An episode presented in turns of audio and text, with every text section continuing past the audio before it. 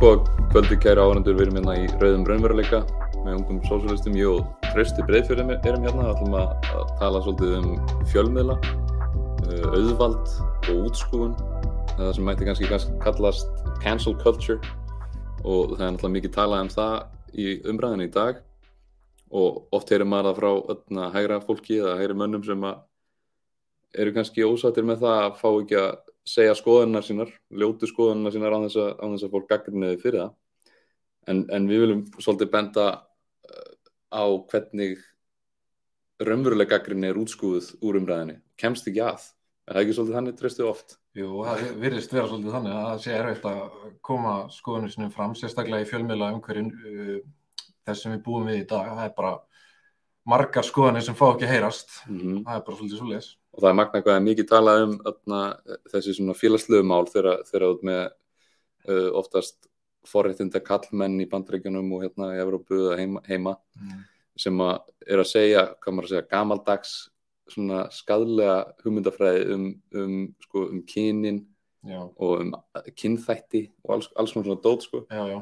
og og hérna, þeir öskra að þeir séu útskúaðir og þessi cancel culture og svona en svo ertum við blaðamenn eins og, eins og Chris Hedges sem vinnur, vann hjá New York Times þegar að Írakstriði var í farið gang og hann skrifaði grein sem gaggrindi harðlega stefnu bandarinskar stjórnvalda að, að fara að raðast í það stríð og honum var bara bólað út af New York Times og er honum bara svona paræja núna. Já, það er aldrei talað um þessa cancelmenningu.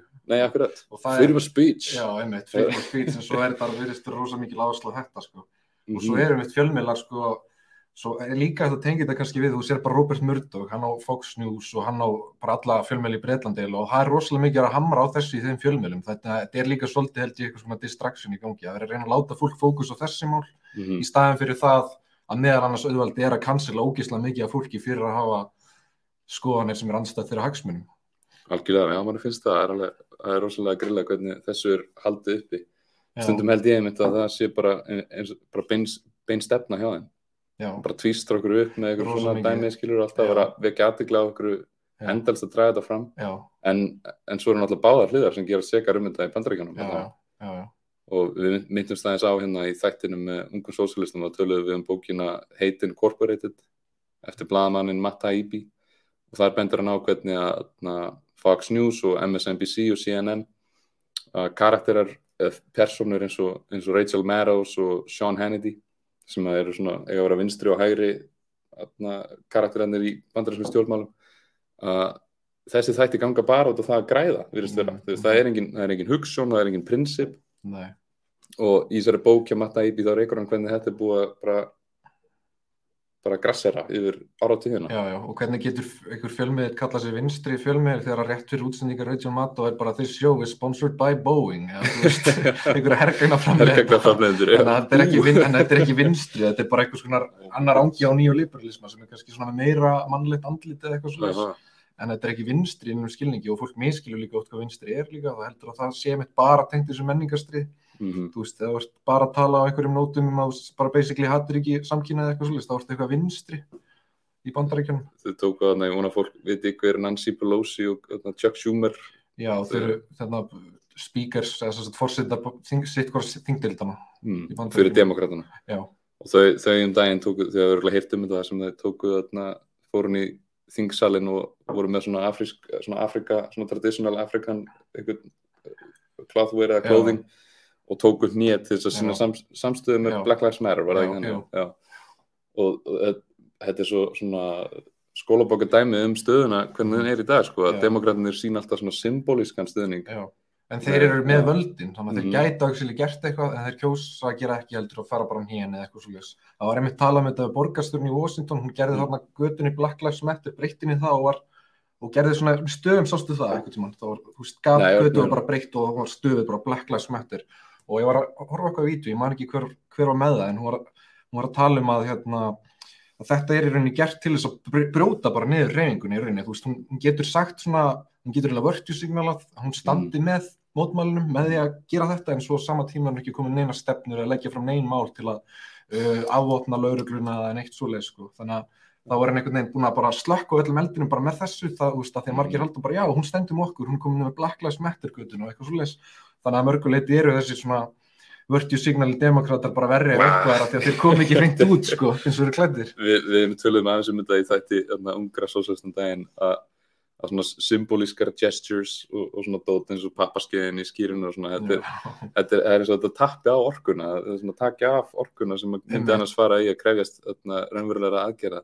Og maður verður líka að hafa í huga eins og Joe Biden fórsetið núna, hann getur, hann getur þarna skrifa undir eitt skjál núna og hleyft út bara, þarna, veit ekki hvað sem mörgum 20.000 fanga sem eru aðalega svartir fangar í Já. bandaríkjunum Já. sem eru inni út af þarna, út af því að þeir halda á, eit- héldu á eitilöfum eða eitthvað Já, og þeir bara, þeir fengu 40 ára fangelsisvist og sitja þar inni ennþá. Já, já, og Joe Biden getur skrifað undir það núna en hann gera ekki og það, það er hrikalegt þegar stjórnmálamenn ge- eru með valdi þess að gera hluti sem að myndi hjálpa og, og bregðast við kröfum almennings Mhm. eins og í Black Lives Matter en, en síðan fara þeir bara og taka eitthvað hnið og eru með í einhverjum, fötum skilur, sem við erum með einhverju liði Já, skilur, en í alvörunni þá gætir verið að gera þetta en þú bara, þú ert bara En þetta slekkur svo mikið á hreyfingunum og vandamáli líka það að slokna á þessum hreyfingum af því að fjölmiðlandir líka láta eins og það sé verið að gera eitthvað fyrir það. Mhm. Þú veist eins og þarna bara, vá, er þetta ekki frábært, þú eru að taka hnið hérna, sjáu þið, nú mun allt breytast þegar Joe Biden verið fórseti og þú veist, en, það er, er komið inn á fjölmiðlana, þeir eru í eigu auðvaldsins og auðvaldi er ekkert að fara að breyta eins og lauruglu hérna löggjöfuna því það er að kaupa rosalega mikið af vopnum frá hergagna innanum og þeir eiga fjölmiðlana þannig að þú veist, þú getur ekkert komið inn breytingum framfæri nema fjölmiðlum hverju sé breytt bara og það var mjög rótækan hátt eða þú veist, já, rótækan með einhvern ástandið er núna það er ekki mjög rótækt að almenningur bara eigi fjölmiðla Mhm. finnst mér allavega, þannig að kannski um leið og það gerist getur, far, getur fólk kannski meira að fara að átta sig á þessu liberal mediað, CNN og. MSNBC og svona þau, þau bara eru klappstýrur fyrir alla stjórnmálamennina skilur en, enda já, og Fox News náttúrulega verra á ímsa vögu en kannski búið að vera aðeins meiri glundröði þar núna þegar Trump kom og það voru svona ákveðna fylkingar innan republikana sem að voru svona aðeins að takast á. Mm. en nú verðist bara Trump fylkingin vera búin að vinna. Já, svona lojalistar bara. Já, Já. og Trumpistar já, já, akkurat. Já og svo, einmitt, svo mikið voru í gangi að tala um hana Joe Rogan og hérna, það, Mhm, það sé verið að cancela hann um eitthvað svolítið sko. en mhm. það er líka, líka fjölmiðlega er rosalega mikið að fókus á það líka því að það er bara það, er, það, það dregur rosalega miklu aðtökli til dæmis frá því sem er búið að gerast núna í faraldurinn það er bara ríkur og ríkari og millistéttin er bara að skreppa ennþá meira saman held að það var ekki hægt í bandaríkjum en hún er ennþá að skreppa saman sko. þannig að þú veist fjölmiðlega elska að tala um einhver svona mál í staðin fyrir að fókusa á, á alvöru vandamáli, bara einmitt út af eignarhaldinu Mér finnst líka alveg Joe Rogan er ekki ykkur snillingur og hann er ekki Mhm. læknir eða neitt og hann, hann breyður oft ykkur um misvísandi upplýsingum en það er alveg skrautlegt að sjá hvernig þarna, fjölmiðlarnir eru að, að ráðast á hann. mm -hmm. Rogan er búin að fá til sín Sanjay Gupta sem er læk, læknir hjá CNN sem er læknir og þarna, á að miðla upplýs, svona, læk, þarna, helbriðis upplýsingar fyrir CNN. Hann hefur fengið hann til sín og þeir tóku rosalega debate og, og Joe Rogan hefur fengið síðan hennan Robert Malone sem að margir kalla anti-vaxxer, einna gæðanum sem kom að því að, að þróa mRNA þarna, bóluefni uh, þannig að Joe er rauninni bara eitthvað svona frekar eðlulegu gæi Mm. sem að tekur uh, spjallið við alls konar fólk á löngu formati, þrý klukkutímar eða eitthvað svo leiðis og og það er alveg magnað að sjá hvernig CNN og The Guardian og The Independent og svona fara að hjóla í hann sko fyrir að dreif, dreifa stórhættilegum upplýsingum segja þegar að þau sjálf Mm. hafa oft gert það líka Já, mér finnst líka hægt að við byrja að taka út svona einhverja þættir með eitthvað sem hann er að segja sem er kontroversial eða eitthvað svona að er, þeir voru að taka út þátt sem á var með Kyle Kolinski sem er mjög mikill vinstrimæður og er mm. Með YouTube stöð og hérna og bara mikið að tala um það, þeir tóku út þáttar sem hann var hjá Joe Rogan en það var ekkert enn orðið í þeim þætti eða neitt svolítið, þannig að þeir eru farin að fikri svolítið áfram og taka út með þess að vinstra fólk sko út að, Ég held líka að þessi ákveðin bara svona financial incentive hérna hjá fjö, fjölmjölunum að því að Mm. ég held að Joe Rogan sé að fá og podcasti hans, náttúrulega stæðsta podcast í heimi að þau eru að fá einhver 11 miljón views bara Mhm. um leiðan komin út sem er meira áhorf en CNN og Fox News þannig að það er bara alveg í bein eiginlega í beinni samkeppni komin við Joe Rogan og við já, hlöðverk já. Og ég, hef mitt hlustað á Joe Rogan rosalega mikið þegar hann var að byrja fyrst og svona, Já, kannski- kannski svona þangað til fyrir tveim, þreim árum þá fannst Mhm. mér bara þættinir ekki eins áhugaverðar lengur. Hann var, mér fannst hann svolítið, þú veist byrjar að tala svolítið mikið meira við fólk sem að ég var ekki sammála þannig ég nefndi ekki bara að hlusta eins mikið á það en það þýr ekki að ég vil í cancelunum samt, skilur og mér fannst það bara, mér fannst það líka eftir að flytta til Texas, skilur, mér fannst það Mhm. farin að vera svolítið mikið í svona, í svona, í svona hægri echo chamber samræðin rosa mikið, í það, sko. var miklu meira á tímabil að tala við Hann fjölbreyttari var rosa vinstri, vinstri maður á nokkrum árum, og svo sko. náttúrulega ekki lónt sinna að Dorsræði Bernie Sanders, sko Nei, akkurat, það er ekki langt síðan. En hérna eftir að hann flytti til Texas þá finnst mér að svolítið hafa svona færst svolítið og er kannski minna fjölbreyttan hóp í auðtali hjá sér en þú veist, það er náttúrulega algjörlega undir honum komið en ég skil alveg að fólk hafi áhyggjur af því hann hefur rosalega mikið pla, stór plattform hjúls plattform, já. en, en hérna, en þú veist, hvar, hvar hérna, hvar ég var að setja ykkur svona mörk, ég veit það Það ekki er mjög fyndið samt að að tala um sko að Joe Rogan beri mikla ábyrða þegar hann er svo mikið hérna, viewership sko, mm. stóran árændahóp. Já, Mjög fyndið að segja það þegar að CNN og MSNBC og svona er alltaf klappstýrur fyrir stríð. já, já, eins og, og Írak stríðið og allt, bara margar þessar stóru hérna, hernaðaraðgerir sem að kosta sko þúsundir manna ef ekki miljónir lífið og ótalda þjáningu. Þannig að þú veist, þetta er bara svona, ah, emitt, emitt já, svo var hann hann með Jordan Peterson um daginn. Fjóra tíma. Jordan Peterson að spyrja Joe spurninga og svara þeim sjálfur. já, já, já, einmitt og svo maður að pæla með því með algoritmanum á YouTube, þú veist, Mhm. hvernig, hvernig er hann af hverju fær maður alltaf recommendations frá Jordan Peterson, bjabbil þú maður smelli bara einu svona á hann, sko, það er eins og Mhm. svo hann byrjar að tala um olíu um daginn í podcastinu og það er eins og kokkbræður eða einhverju sem byrjar, byrjar að halda utan um hann núna þannig að, eins og þarna, þessi youtuber sem við myndust á vinstri sinna youtuberinn Kyle Kalinski sem er með Secular Talk Mhm. hann, hann talaði um að hann fekk sko svör frá framkvæmdastjóra held ég að sé að forstjóra YouTube að hún, hún sagði einhvern tíman fyrir nokkrum árum að það var orðin sko ofinber stefna YouTube að ekki hleypa sagt, misinformation fram og þess vegna ætlaði ekki að bústa politist content eða hleypa því inn í algoritman sko heldur ætla bara að halda, halda pólitísku kontenti niðri og, og svona frétta kontenti niðri nema að komi frá trusted authoritative Já, media authoritative media já, já, sem er MSNBC, CNN sem að tóku undir lígar Mhm. þarna Bush uh, ríkistjórnarinnar um Írakstríðið En einhver hluta vegna er þeir samt authoritative ennþá hérna, Jordan Peterson og Ben Shapiro og þannig fíkur. Já, maður sér þau Já, alltaf þau koma, fá sko. rosalega mikinn, algoritmi verið greinilega að fylgja þeim rosalega Mhm. eftir, þannig að maður veldi fyrir sig hvort að YouTube og þessi staður séu og algoritmið þannig að hann er ekki nú hérna opinn líka, hvernig Alls hann virkar sko, þannig að maður veit ekki hvort það sé verið einhvern veginn að íta markvist undir hæra öfl inn á, inn á algoritmanum af því að það er verið ekki vera vinstri stöðar sé að fá mikið áhorf með hvernig það var einn áður fyrir sko. Ja, akkurat. Og ég er með smá samsæðiskenningu Mm. kannski er þetta sagt, kannski ekki. Við vitum allavega, að- við náttúrulega vitum ekkert hvernig algoritminu virkar í rauninni, YouTube eða Google Já. á það bara og heldur því fyrir sig. Já, En þessi YouTube forstýra sagði en daginn að þau halda niður í þessum öðna, hvað maður að segja, alternative medias og, og setja bara fram þessi authoritative medias. jaðarmiðlar. Jaðar, já, eitthvað svoleiðis. Já, En, en svo ef við förum tilbaka eins og hugsa um það sem að Edward Snowden sagði okkur þegar, að, na, þegar hann lag sínum gö- gögnum sem hann hafði aðgengað í NSA í bandaríkanum að að bandaríska ríkistjóðnin var að njósna um fullta íbúum sínum og alls konar Mm, skemmtilegst dæmi að þá sagði hann að það virkaði sem þannig að ef að NSA vildi fá okkur upplýsingar frá Google eða frá ykkur um þessum stórfyrirtækjum og, og fyrirtæki sagði nei og þá, þá fóð bara bandaríska ríkið í mál við fyrirtækin í leini, leinilegum réttaröldum þar sem þeir notu, ég man ekki hvaða lag ákveði þeir notu en þeir, kannski Patriot Act sem þeir byggu til í kjölfærið á 9-11 Já, og þá, þá gæti þetta stórfyrirtæki nei, bandaríska ríki kært stórfyrirtæki og sagt við erum þetta með Patriot Act sem segir að þú verður að gefa okkur aðgengi að þessum upplýsingum. Já, búm, bara do it, annars eitthvað, já. og við fengum ekkert að vita um þetta fyrir að Snowden lagt því fram. Einmitt. og samsæðiskenningi mín gengur út á það sko, er þetta orðið betra? Mm. Örgulega ekki, þetta er þetta örgulega búið að halda áfram og örgulega verða verra. Já, þannig að ég get alveg séð fyrir mér að NSA eða CIA eða eitthvað er búið að kæra YouTube eða Google. Mm, eða hreinlega krægast þess aðeins bara. Já, að þeir munu fara á eiga við algoritmana til að halda niður í hættulegum upplýsingum Já. hættulegum aðilum já, já.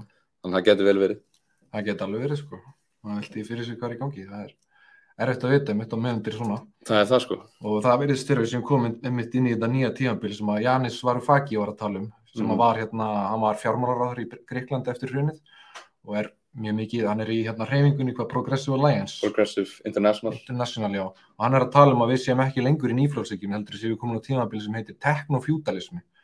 Og það er rauninni bara sko, hann sagði að við, þú veist, það er ekki séns lengur að koma sósíalismann á að því að við erum komin á verri stað, við erum komin á teknofjúdalismann sko, sem að þýr allir þessi risar, tæknirísarnir, þeir eru rauninni bara dóminara og uh, þú veist, þú getur eiginlega ekki komið neina á framfæri nema að vera innan þeirra veldis á netinu, þú veist, allar verslanir, allt þetta, þú veist, þetta er allt innan bara þryggja fjögra aðila, þannig að þetta er rauninni ákveðin fjúdalismi sem er í gangi, sko. Já, já, það er mikið til í að það skiptir eiginlega ekki máli hvað hvað þú ert að reka fyrirtæki Mm. eitthvað stopnun Mm. og þá eiginlega verður að vera inn á þessum miðlum Já, til að sko koma þér út til fólksins já.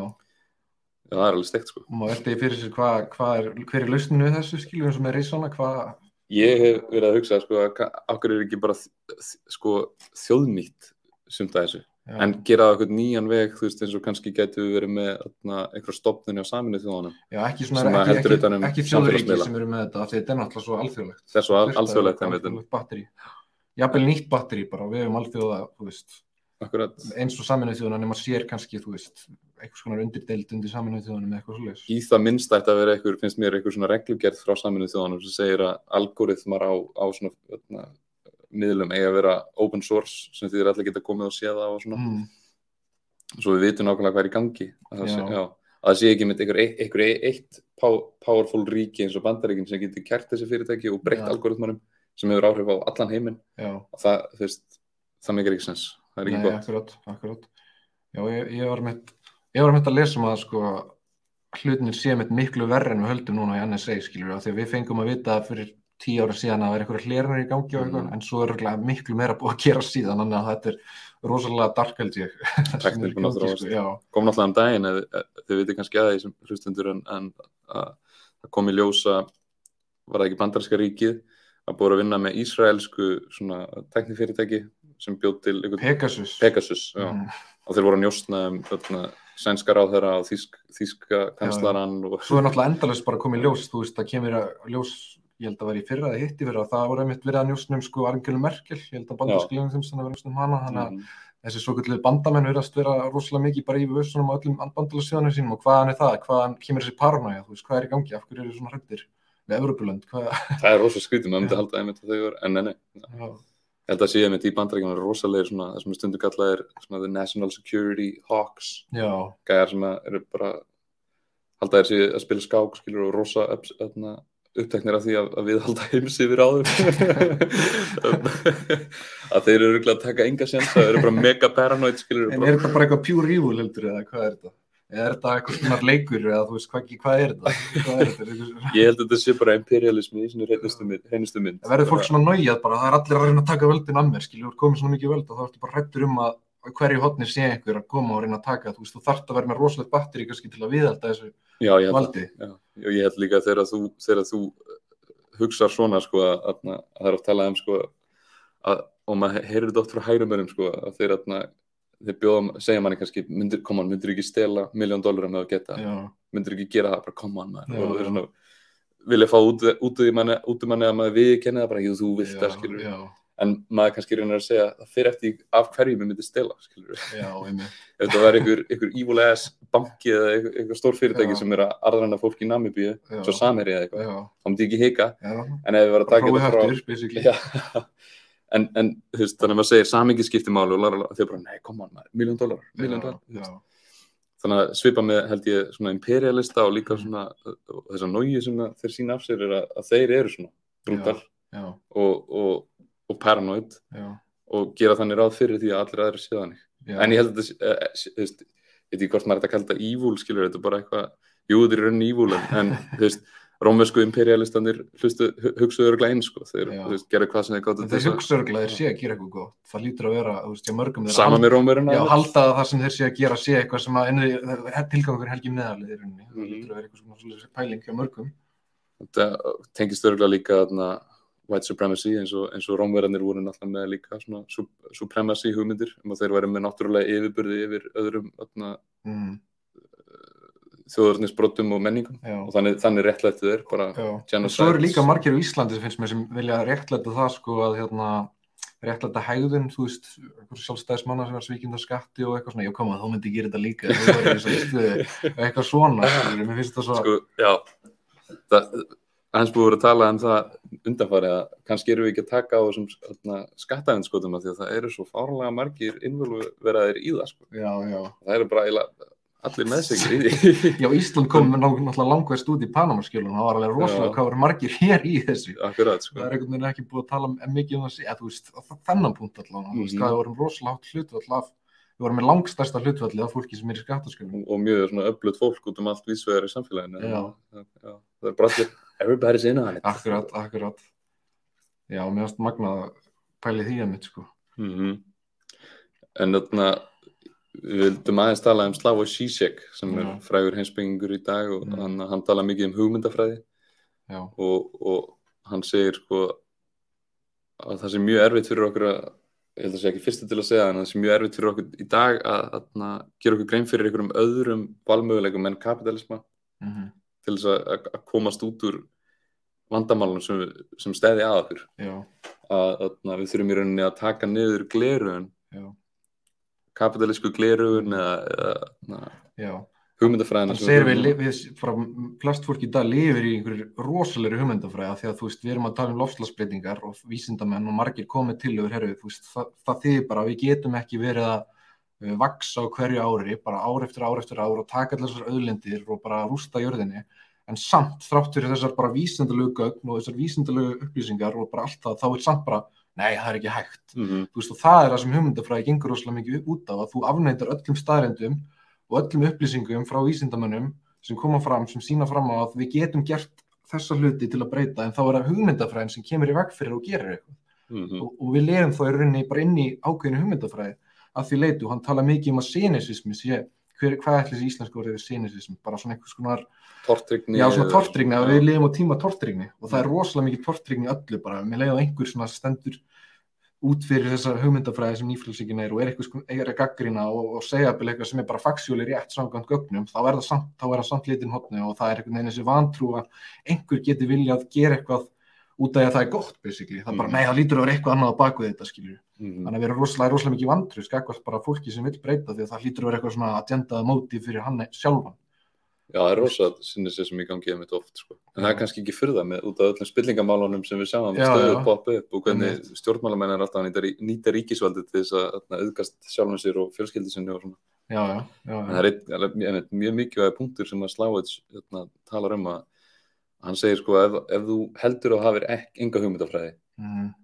ef þú heldur bara ég og margir virðast titla sjálf á sig svona sko í dag Já, það er ekki tæri eða vinstri og Það er ekki tæri eða vinstri og er píratar. og ideology er alltaf slæm skilur við, ég er ekki Já. með neitt ideology ég bara fylgi the facts segja, Já, já. segja þetta en, en þá myndi Slávið segja að þá ert þú sko, þá ert þú dýfst inn í hugmyndafræðinni þegar þú Mm. heldur og sért ekki með hennar hugmyndafræði að þú gerir þér ekki alveg grein fyrir hvaða sko hvaða hugmyndir og gildi þú ert að taka bara sem sjálfsögðum hlut ein, eins og það að, að markaðarnir verði að virka á þennan hátt og já, þetta verður að vera svona, það vita nú allir það og, og et cetera, skilur eitthvað svo- og, og, and so on and so on eins og hann seg- segir sko. akkurat, akkurat. en þarna af hverju getum við ekki, getum við ekki séð að hlutinni þurfi ekki að vera eins og þeir eru það er hægt Mm. að prófa nýja hluti mannlega samfélög í gegnum tíðina Mm. hafa verið á ótrúlega margan hátt mismunandi öll og við getum klárlega gert eitthvað annað en við erum Já. bara föst í ykkur svona stasis en það er einmitt út af þessum superstruktúr sem að Marx talaði um, yfirbygging, yfirbygging er það bara raunin að það er,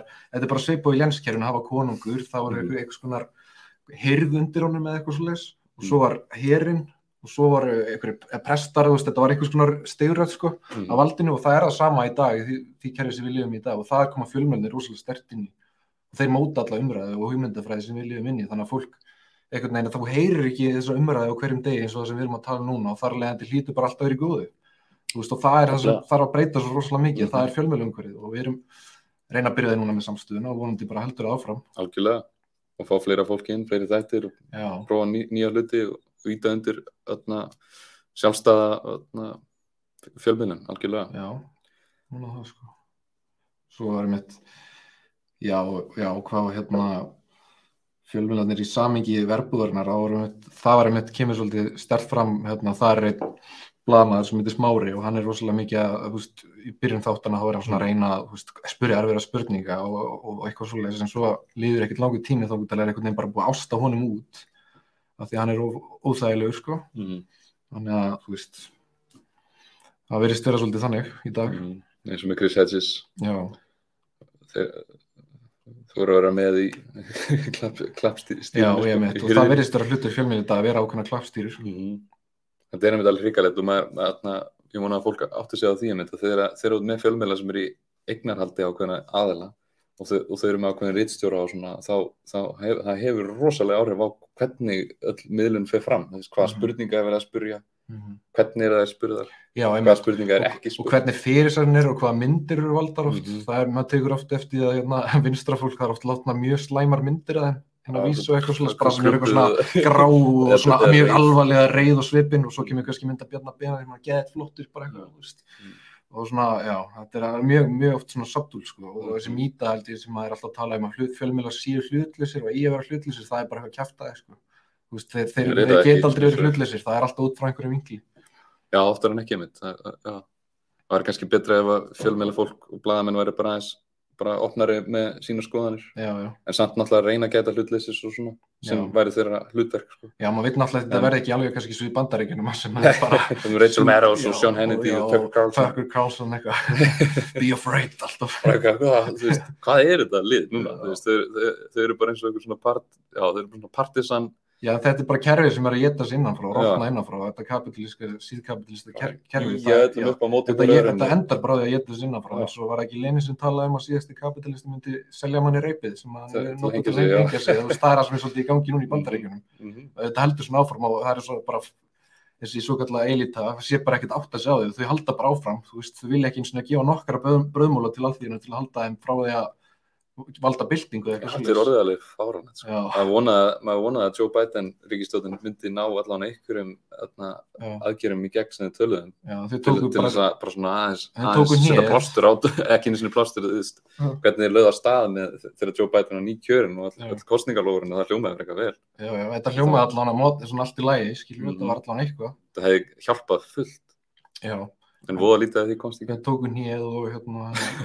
og komuðu einhverju, einhverju infrastruktúr, einhverju hérna, plani sem er og verið engað að bara vegakerfið. hvað kom út úr því, já, var, Það var, miklu- sa- það var samþykkt sko, það frumabæð, það var bara því að republikana stutta það, því að það var bara, þú stónurinn þeirra fílu það, bara Mm. sem eru inn í þessum innviðarverkefnum sko. það var vist mikið lenga aðeins inn í þessu og eitthvað Já, rosa mikið sko. Trojan horse, Það var sama, sama í gangi hér framöndan, það er Mm. að fara ykkur svaka hérna innviðarverkefni sem að bara fara enga að göngin eða þú veist, leggja veggjöld og eitthvað slúðis.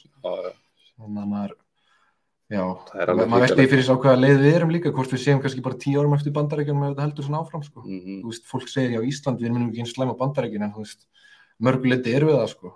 Og, og, og hvort að við verðum bara komin samanstað eftir tíu ár, getur vel verið.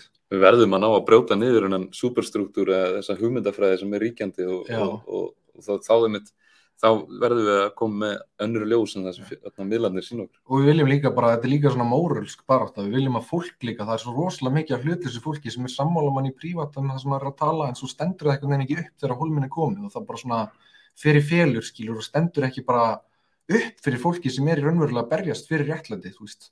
Þegar fólk er í svona veikasta stað skilur liggun jafnvel niður og þarf einhver aðstoð frá fólkinu í landinu, þá er bara Snúið bakið við því, sko. það Og það er einhvers konar menning sem við þurfum að uppræta og breyta hérna. mm, Þú veist, það er það er einhvern veginn þessi flótti bara frá því, þú veist, já ég er sammála en bara, uh, bara veginn óþægilegt skilur að, að hvernig þú talar um, þú þar, veist, þar er mér dantar einhverju bara einhvern svona skilning að við, við eigum að standa saman já og bara hugur ekki maður, bara, Mm. þú veist, bara verið hugurök. en akkur þetta þegar þú ferð svona út árun að lim til dæmis að segjum að sért öðna, sjóari Mm.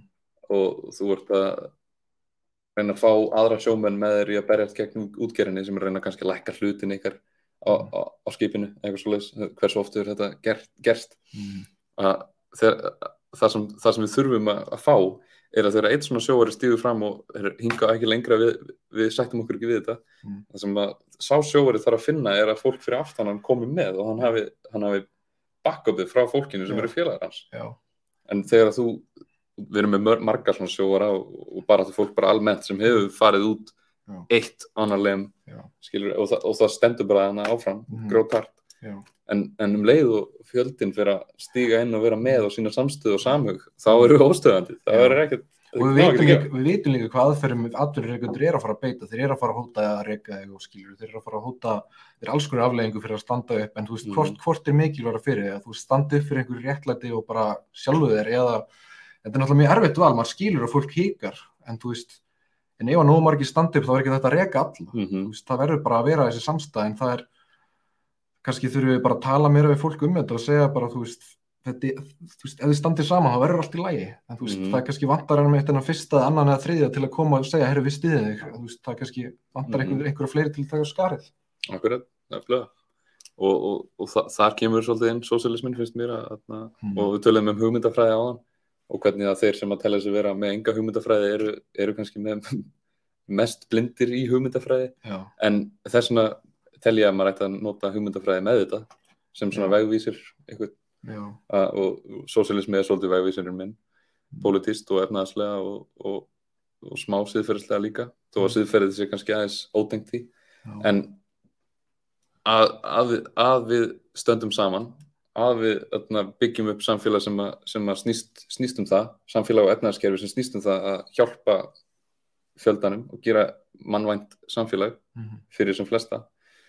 Að já, það er hugmyndafræði en það er hugmyndafræði sem að ég er meðvitaður um að ég hafi.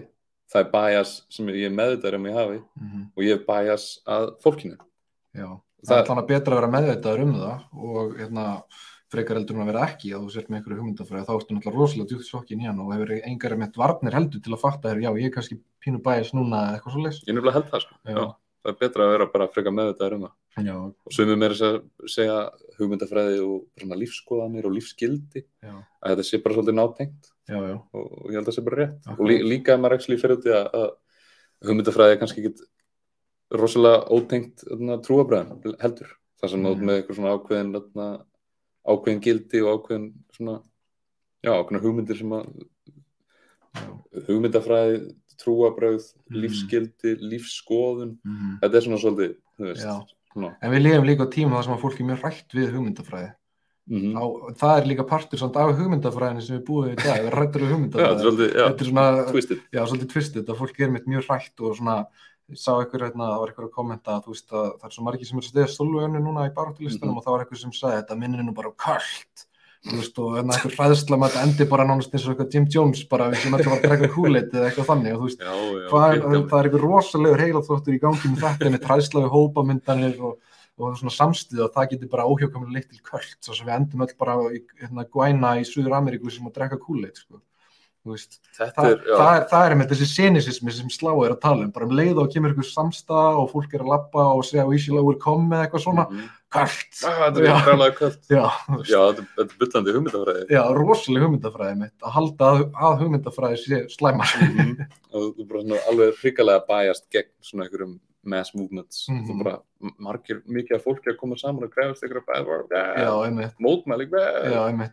Og það er líka kannski svo fólk sér hrættara við þetta, einmitt líka, líka bara eftir 11. september og sér kannski fólk einhvern veginn fara að hræðast svona rosalega, fólk, með sterkar skoðanir einhvern veginn, þetta getur bara endað við veg eða eitthvað svona sko, Mhm. og fólk er svona meira einhvern veginn, þú veist, og lögreglan líka, voru rosalega svona paranoið finnst manni, þú veist, það er alltaf að kalla sérsveitunar oftar og oftar út af einhverju sem er fyrir tíu árum hefði bara lögreglan verið senda á vettfang, skilur Mhm. Þannig að þú veist, það er svona ofsafengi viðbröð alltaf. Veist, auðvitað skilum maður að það er ofta einhver hætt áferðum og það þarf alveg sérsveitin en, en ég skil ekki af hvernig hún þarf að koma tvöfalt oftar núna eða jafnvel þrefalt oftar núna á vettvang heldur fyrir tíu árum. Er þetta að minna þá hvernig vettfang þú veist, Þegar- bara, bara einhvers konar hættulegt fólk skilur en þá, þá, þá var nú að senda lauruglun áður fyrr en núna Mhm. mænda, mæta menn bara kappklættir með, þú veist, bara vélbissur þannig að maður veldi fyrir sér skilur og, og lauruglan hefur náttúrulega verið að taka námskeið hjá bandarísku lauruglunum mjög mikið og innlega þessa hugmyndafræði þeirra sem er bara, Mhm. þú veist police state. Já, mæta bara nýju manns og hérna, með að bissu og einhvern mann með nýf skilur geggjuð strategy. En þú veist, já. Átti ekki lögregla að vera svona, samfélagsþekk sem að kemur er svona, ég, sé bara menn fyrir, ég sé bara menn fyrir mér svona skýrtu með bindi og, í svona, þú veist, flottum ykkur jakka, eða þú svona lörgli jakka ekki ykkur Já, í brinju alltaf- með ykkur einhvern M16 svo, já, alltaf svona hvað er þetta já, líka þetta er Ísland, skilur, þetta er Ísland. Hvað haldið það ég sé, þetta er svo steikt. Já, ég, mér finnst alveg fáránlegt að finnst- fara eitthvað í bandarísku áttina með, með laurugluna. Já, en hva, þú veist, hvaðan kemur þetta? Þetta er líka örgulega bíómyndunar, skilur að hérna, hasarmyndunar, að að þeir halda þér séu bara, veist, þetta er bara við versus they, skilur Mhm. bara fokkin líðurinn, bara, þú veist, stórhættuð fólkinn og öllum götu og öllum, skilur þú veist, mæta með þetta attitúti einhvern veginn á vettvang, ég er ekki að alhafa það síðan hjá öllum, en þú veist, maður er heyrt að það sé svolítið tóksið kultúr, sko. Stund, stundum þarf að bregðast þannig við þegar, þeir eru hættilegi glæpahópar og eitthvað svoleiðis en Já. akkurat að vera að gera það eitthvað reglulega og, og að missa sig í því að og einhverja forvirkar rannsóknarheimildir núna, skilur, það Já, er næsta, næsta á döðinni hjá Mhm. dómsmálaráðara, Jón, Gunnars, Jón Gunnars er með það planað, sko, forvirkar rannsóknarheimildir að þau stafi ógn af glæpasamtökum. Það er, það er verið að setja upp bara svona þarna, fasískan apparatus, Mhm. Já. myndi, eða kemur, já, það er ríkalegt. og það má við strannsaka stjórnmálasamtök án hérna samkvæmt því á náttúruvendarsamtök án þess að vera með einhver raukstutan grunum að sé að vera að fara að eiga sér stað refsivert átæði. Með, Það er með, nóg að sé bara svona hunch hjá einhverjum lauruglumanni, skilur. já, Það það, það er farið að hlera og, það hefur verið þannig að lagalega þá þarf lögreglan að vera með staðfestan grunn. sem og dómsúskur til þess. Já, mega. með eitthvað, eitthvað evidence, eitthvað, Mhm. eitthvað sannagögg sem gefur, segir má fyrir rannsakana því að hún er með stekk sannagögg. En núna með þessum nýju fórverkur rannsakana heimildum þá þarf bara einhver einlögga að hafa eitthvað hunch. Já. Hvernig verður það notað? Og, og það er einmitt á, ákveðna stofnanir að það er ekki búin að vera að vara við því að þetta verður bara notað til, líklega til þess að atna, hafa auga á aktivistum og hafa Já, já. auga, auga á fólki sem er vesen eða eitthvað, svoleiðis. Já, og þetta er bara hræðileg þróun eins og í Breitlandi líka. Það var þarna þeir sem betur fyrir var fælt af, af öllum mönnum The House of Lords í Breitlandi. Wow. Þeir feldu niður til um það að hérna, það verið bara miklu strángari reglusettur á mótmæli. Það mætti ekki vera með Já, of mikið. þarna því. Já, þeir, stoppuðu Það sko. Þá sláar það sko. Þú veist, sem eru bara eitthvað svona sem að sé fyrir sér snoppaða menn með veist, þeir þessum það en ekki, ekki þeir sem voru kostnir inn sko. Það átt að stoppa háar mótmæli sem Þannig að- er ómikið læti Er, og, og, það, og það væri bannað til dæmis að þú veist leggjast nýra á hérna fyrir fram að gröfur og eitthvað Mhm. svolítið og þá getur fengið jafnvel tíur og fangilsi fyrir það og eitthvað svolítið og þetta var alltaf bara þeir sem voru að baka þetta voru lobbyistar fyrirtækin skilur sem er í stórframkvæmdum og þeir vilja ekki að þetta sé þarna. Að banna- þau ætla, þau ætla að banna mótmæli, í rauninni, já, bara straight up. já. nema, þú veist, já de facto banna mótmæli, þau máttu ekki hafa læti og hvaða mótmæli hafa ekki læti Og skilur fólk hefur verið að benda á það að þau mótmæli í Englandi sem hafa skilað árangri og svona, Mhm. og þau varu núna öll bönnuð ef þetta hefði komist í gegn. Já, sem betur verið að það stoppa og það virðist ekki vera að maður hefur heyrt mikið frá verkamannaflokkum og kýr starmir gegn þessu heldur Nei, það er rosa mikið öll aðdegli búin að fara á það að Boris Johnson var húst, að brjóta sótmanarlög og allt það, auðvitað er Mhm. það mjög hræðilegt fordæmi skilur, maður velti því fyrir sér það er oft mjög sérstök mál sem er að fella stjórnmálamenn í dag já, það, sem, sem að eru ekki, veist, það er allt í lagi að það er allt í lagi að olíufyrirtæki sé að spilla bara Amazon frumskóinum og sé að hérna bara, þú veist, arðræna indjána og bara heiðilegja heilu samfélagin en svo er nóg að einhver þú veist, og það er slæmt líka að það, það sé verið að hérna, fara við mörki á konum en það var mál um daginn hjá orkuna sem að maður fór við mörk fyrir 17 árum og hann þurfti að segja af sér Mm. og bara gott að það sé gert en það er samt svo skrítið að það, það sé nóg en það er ekki nóg að að það olíufyrirtæki sé að arðræna og, og svíkja og pretta og svíkja mm. skatti og það bara einhvern veginn fara að og slæta eins, eins með Boris Johnson hann, hann, hann, ætlar að banna mótmæli. Já. Já, banna og, það, mótmæli. og þá er bara svo- silence hjá fjölmennu, það til sé ekki neitt. En, en svo hann fór í dinner party og þá Já. bara ríkistöðin alveg að fara að springa. Maður veldi fyrir sér, af hverju virkar þetta en ekki ég sko. En, en það er líka kannski að þetta er ekki ógn með auðvaldi heldur. Mm.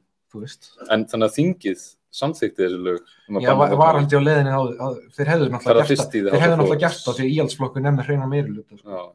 En fer það- það sem sagt fyrst í The House of Lords? Já, House of Lords ég, ég held að þeir þurfa að samþykja þetta fyrst og þeir sögðu bara að þetta var í andlýðræðislegt og hérna, Góður. já, sjálfur, sjálf, sjálf þingdeldin sem er ekki líðræðislega kosin sko. Já, hún er ekki líka, það er bara einhverju aristokratar. Já, vegum svona- sem eru svona, þú veist, ég held að einhvern veginn á vegum leipur eða þú veist, einhvern veginn ráðunir ég veit það er sko, og, fyndið. og íhaldsmanna, sko. Þannig að þarna líræðislega kjörnu fulltrúanir voru bara all for it að banna mótmæli en þú veit með þetta, þetta svona, maður að segja, þessi- þessa risaðlu af gömlu stjórnkerfi sem er að Já. House of Lords. En líka í Breitlandi, þar er ekki stjórnarskrá, það er mjög skrítið, hún er munnleg, þannig að ég veit ekki, að að að Þetta er ekki á plaggi, sko. Open to interpretation. Þetta er bara eitthvað, sem er, allir muna utan. að, sko. Þetta, þetta minnir svolítið á með að ISAF-málið að að þingi vildi alltaf taka bara á sig reikninga Kaupþings en, Ólafur gamli fórseti hann sagði nei.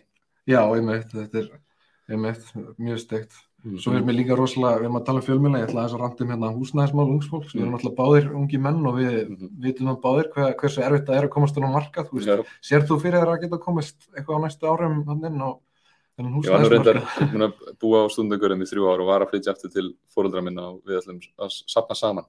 Já, fyrir íbúð. já, Við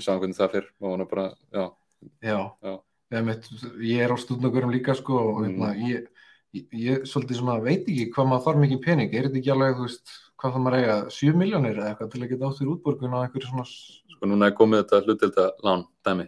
Já, en það verðist ekki geta virka næsta Reykjavík að því skilirinn eru svo rosalega Já, það er eitthvað svona ákveðin skilirði og ég held að meir ekki vera með þarna, yfir ákveðnar tekjur og mátt náttúrulega ekki eiga neitt en þarna, já, það eru ykkurar nokkra miljonir sem þetta safna. já, já, og En maður, ég veit ekki hversu margir einmitt hafa aðgengi að því, sko.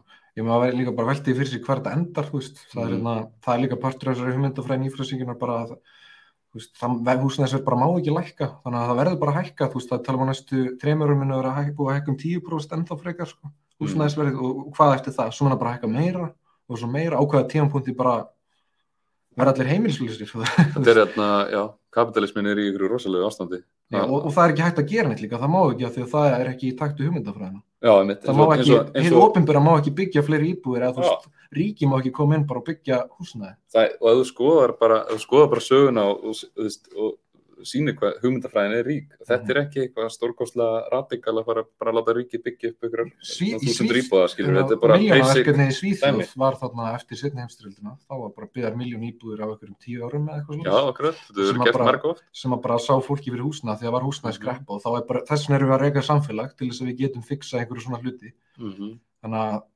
það er mjög steikt að fólk haldi í fram að hérna, samfélagið er bara stíða til hliðar og láta bara barbarismann taka yfir. Já, það er mjög skrítið.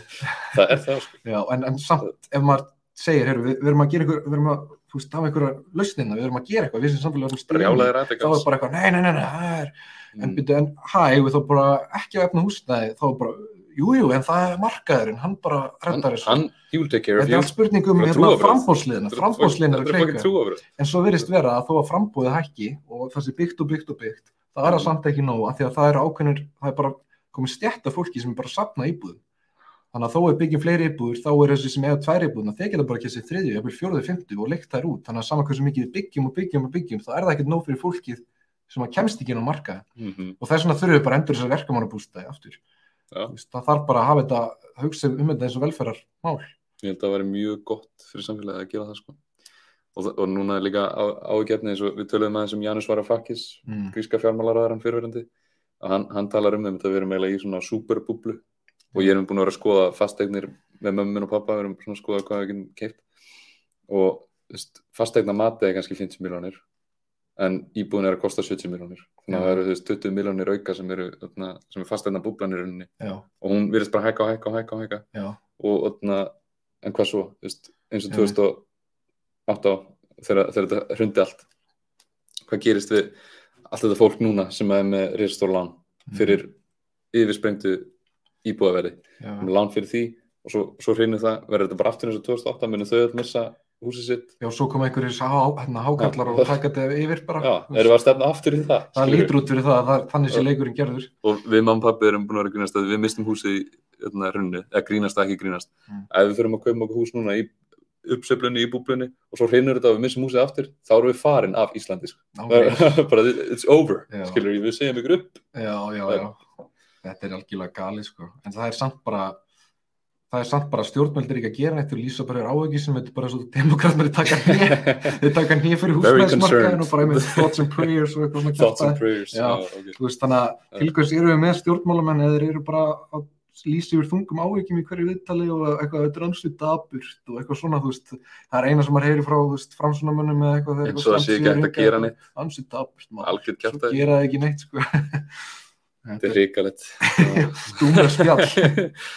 já, við þurfum bara að halda áfram að að standa með sjálfstæðin fjölmiðlum og bara planta fræðin byltingarinnar Já, já, akkurat. það verður upp, kemur upp á þessu Já, maður, maður og hluti geta breyst mjög rætt. Maður skal vona það. þó þeir séu búin að vera mjög hægir undanfærið og verðist vera föst í ykkur okkur ástandi að þá, getur það breyst á svipstundu Já, algjörlega, algjörlega. menningarlega og teknilega sér. Já, akkurat, sko. Þess að maður sá fyrstu Ford bílana koma þegar eru sé myndirna þar sem maður sér New York, þú veist, 1905 eða eitthvað, það er allt bara hestavagnar og svona. Svo 15 ára setna það er allt bílar Já, um mitt. og margar aðra félagslegar breytingar eins og í hérna, blómabildingunni. Já, en, en, en maður er samt svolítið svart síðan því að þú veist, eins og í bandarækjunum, það er ekki til að koma einhverja nýja lausnir, það er þessu ótrú Elon Musk munum bara leysa allt.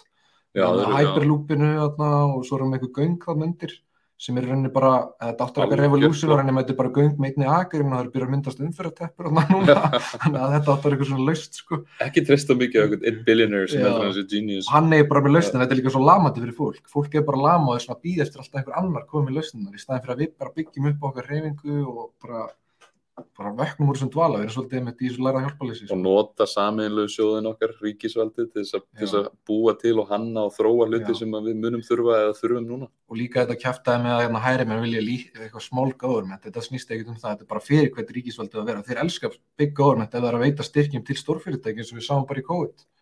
Veist, það er bara að dæla fyrir í fyrirtækin en samt er aldrei peningu fyrir almenning. Ég held maður einmitt, það er um, líkil munur, líkil munur á atna, svona libertarians en, en, sem segjast vilja small government en eru svo kannski að reyka fyrirtæki og eru með fullt af lobbyistum sem eru með Mhm. rosa púl hjá mörgum þingmönnum.